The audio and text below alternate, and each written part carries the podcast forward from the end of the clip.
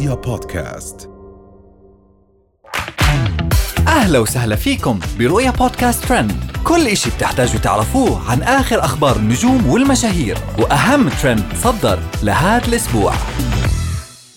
أميرة الناصر تثير الجدل بعد بكائها حسوا العسيري يفتعل مشكلة بسبب شنبه. اشتباه بانتحار السعوديتين آمال وإسراء السهيلي. وأخيرا مشهد مؤثر لطفل يتبرع لآخر بلعبته. نبدأ أخبار حلقتنا لليوم من عند أميرة الناصر واللي تصدر الترند وأثارت الجدل بعد ما ظهرت بفيديو وهي تبكي واللي تبين أنه سبب بكائها هو تأثرها بعد ما غادروا مدينة جدة بسبب حبها الكبير لهذه المدينة. وما كان هذا الفيديو الوحيد اللي أثار الجدل على السوشيال ميديا حيث نشرت قبله فيديو من احتفالها مع عاملاتها في المنزل بعد خروجها من السجن بدون حجاب الأمر اللي أحدث بلبلة حولها خاصة وأنه ما زال الكثير مشككين بصحة براءتها ويتهمونها لليوم بأنه الفيديوهات قديمة. وكتب أحد المغردين تعليقا على الموضوع ما طلعت. هذا المحامي ماسك حسابها. بننتقل لحسو العسيري واللي تصدر الترند بعد ما افتعل مشكلة تمحورت حول شنبه.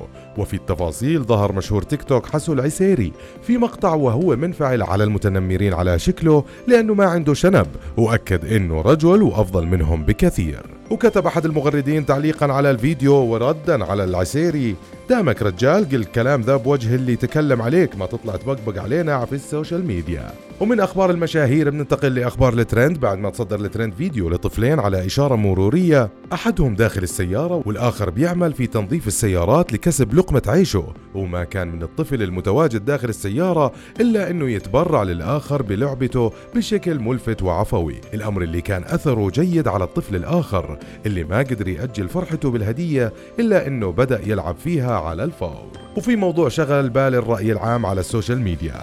هو السر وراء وفاة السعوديتين آمال وإسراء السهيلي اللي عثر عليهم في شقتهم مطروحين بالفراش في يونيو الماضي بعد ما بحث عنهم صاحب الشقة مطالبا بالإيجار ليكتشف أنهم متوفيتين من أوائل مايو الماضي. ونشرت الشرطة أنه من المتوقع اتفاق الشقيقتين على الانتحار خاصة وأنه كل المؤثرات بتأكد عدم تعرضهم لأي محاولة اقتحام أو مواجهات وما زالت التحقيقات مستمرة حتى التصريح بالبيان الرسمي للطب الشرعي.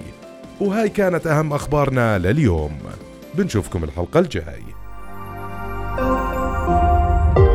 رؤيا بودكاست.